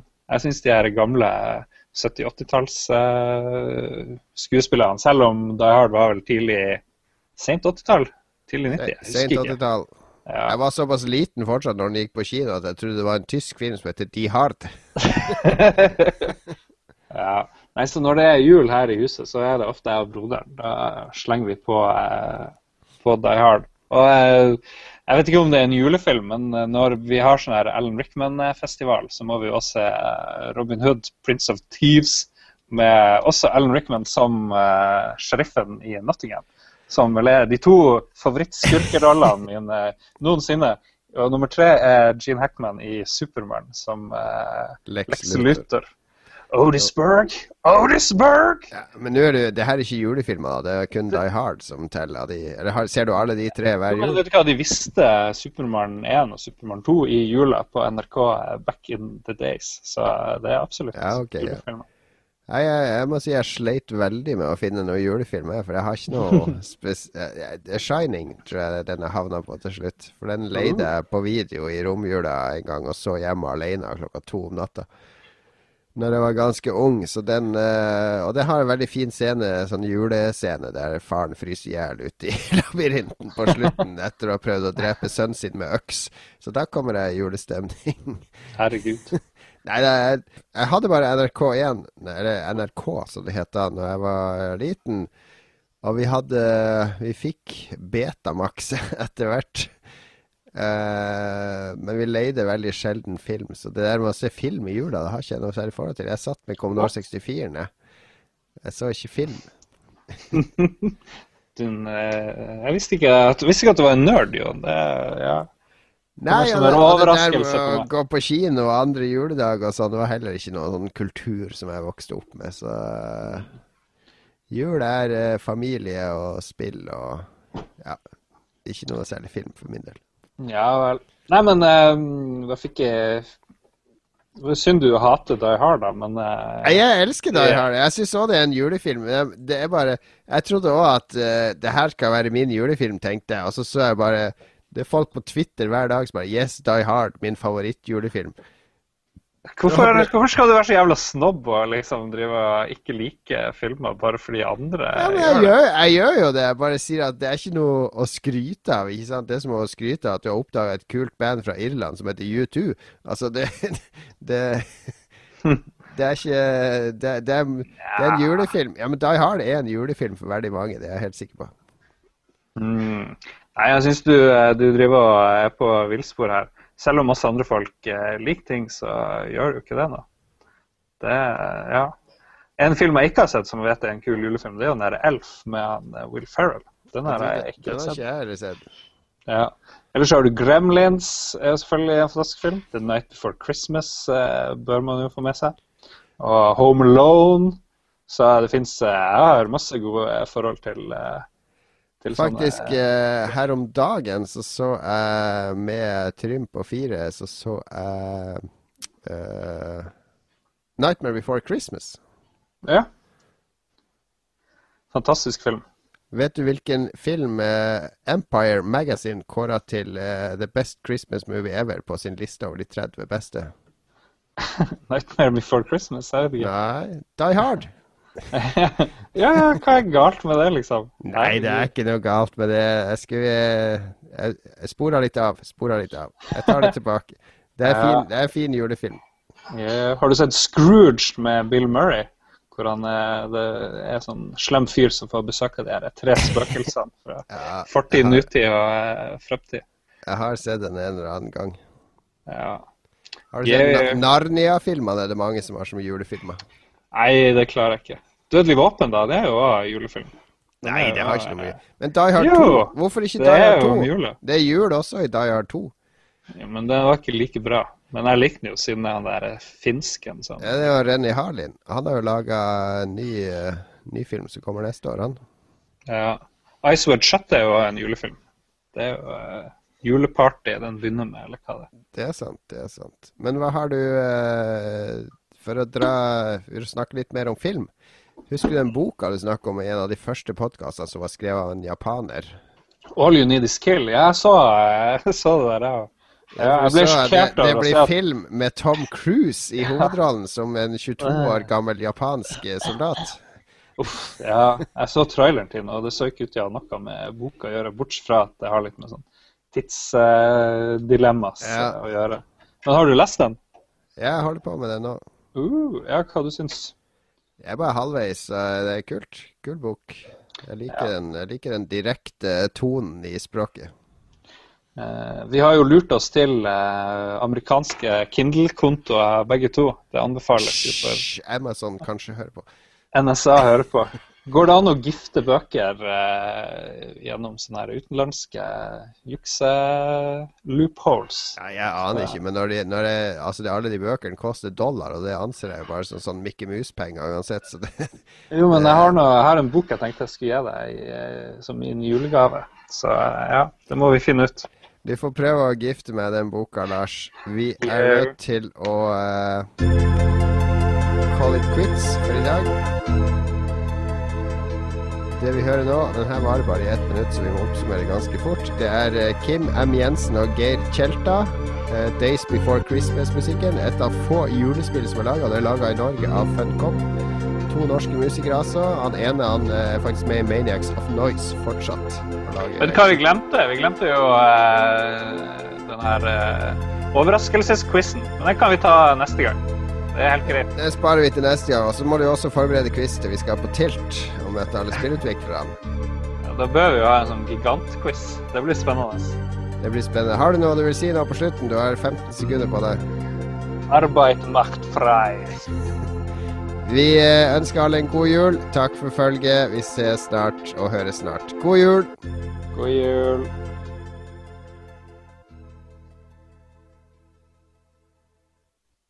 Har du et enkeltpersonforetak eller en liten bedrift? Da er du sikkert lei av å høre meg snakke om hvor enkelt det er med kvitteringer og bilag i fiken, så vi eh, gir oss her, vi. Fordi vi liker enkelt. Fiken superenkelt regnskap.